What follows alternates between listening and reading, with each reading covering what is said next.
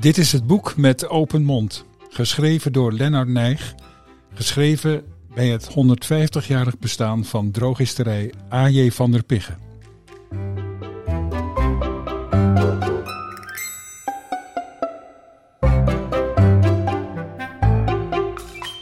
Een boek om nu naar te luisteren. Ingesproken door de Gapers. Door hem en door mij. Hij is Hendrik, ik ben de zwager. Wij hebben alles zien gebeuren. En we zullen het u gaan vertellen.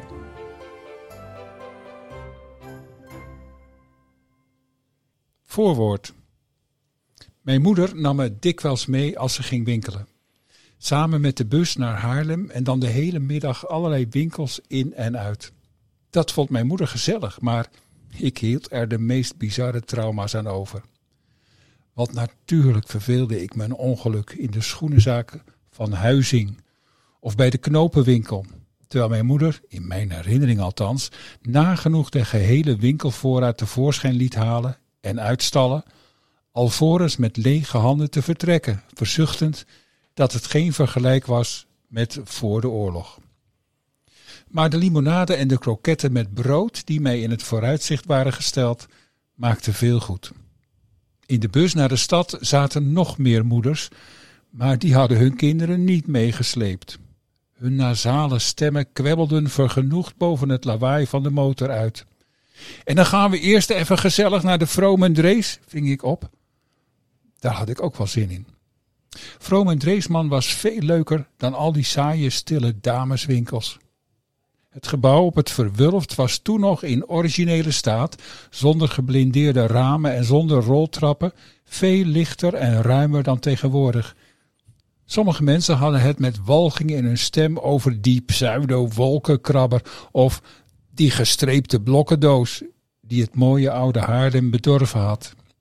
Maar wie als kind ooit vanaf het restaurant op de hoogste verdieping ademloos naar de enorme kerstboom heeft zitten kijken, die uit de diepte van de centrale lichthof oprees naar de glazen koepel in het dak, die heeft een heel ander beeld van hoe het vroeger was dan degene die oude geveltjes koesteren uit een tijd die ze zelf niet hebben meegemaakt.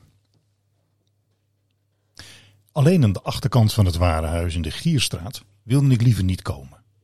Want ik was bang van die grote kop die daar bij de hevel hing, met die krankzinnig in de verte starende ogen. De gaper van drogisterij van der Piggen. Ik had bedacht dat hij ridders Rad heette en s'nachts zat hij onder de linnenkast en loerde naar me in het donker. Soms kroop ik in doodsangst onder de dekens omdat ik hem over de grond hoorde schuiven door de kamer. Dat soort dingen gaat nooit over. Gelukkig ging mijn moeder nooit naar Van der Piggen. Ze had haar eigen drogist in Heemstede. Een dure man die deftig sprak en een witte jas droeg omdat hij op een dokter wilde lijken. Het rook in die winkel ook een beetje medicinaal. Er stonden rijen bruine glazen stopflessen in de kast met etiketten in het Latijn. Een gaper had de drogist niet. Daar was de winkel te modern voor. Hij kreeg altijd wel een dropje van hem. Maar vertrouwen deed ik hem helemaal niet met zijn witte jas. Jaren later, toen ik op het gymnasium zat, ben ik nog eens terug geweest. Terwijl ik wachtte tot ik aan de beurt was. Keek ik naar de rij stopflessen en probeerde ik het Latijn van de etiketten te ontcijferen. Ik kon geen wijs uit die rare afkortingen. Wat was pulf, gummi, arab, elect voor iets? Moest pulf, salf, polyger ergens tegen worden ingenomen? Ik wist dat acetat wijnsteenzuur betekende, maar was wijnsteenzuur wat in hemelsnaam? En oleum petra, zou dat petroleum zijn? Een acid boric was om ergens op te smeren, wat unguentum betekende, zalf. Dat wist ik toevallig. Maar wat moest ik bij lycopodie voorstellen? Het deed aan de naam van een opstandige Keltische volkstam denken. De drogist zag er nog steeds uit als een nagemaakte dokter. Hij kende me nog wel, zei hij minzaam, en bood me een dropje aan. Ik was diep beledigd, een dropje.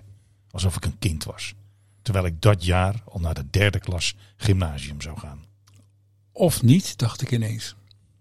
We hadden die ochtend een proefwerk waar ik niks van had gemaakt. 54 voor Christus slag bij Unguentum. Julius Caesar verslaat de Lycopodii. Zulke dingen had ik die ochtend moeten weten, maar ik vond door Haarlem fietsen en fantaseren veel belangrijker dan huiswerk maken. De drogist bestaat al lang niet meer. De derde klas heb ik nooit gehaald. Het is allemaal anders gegaan dan ik vroeger dacht en vroeger is voorbij. Alles is veranderd. Nee, niet alles. Drogisterij van der Piggen is hetzelfde gebleven. De gaper is er ook nog, al spookt die s'nacht niet meer in mijn kamer rond, maar in mijn hoofd. Dat ik ooit nog eens een boek zou schrijven waarin dezelfde gaper een grote rol speelt. Kinderdromen gaan nooit voorbij. Ik kruip in het donker onder de linnenkast op zoek naar de geschiedenis van 150 jaar drogisterij van de Piggen en volg het verhaal met verbazing. Als een gaper, met open mond, starend in de verte.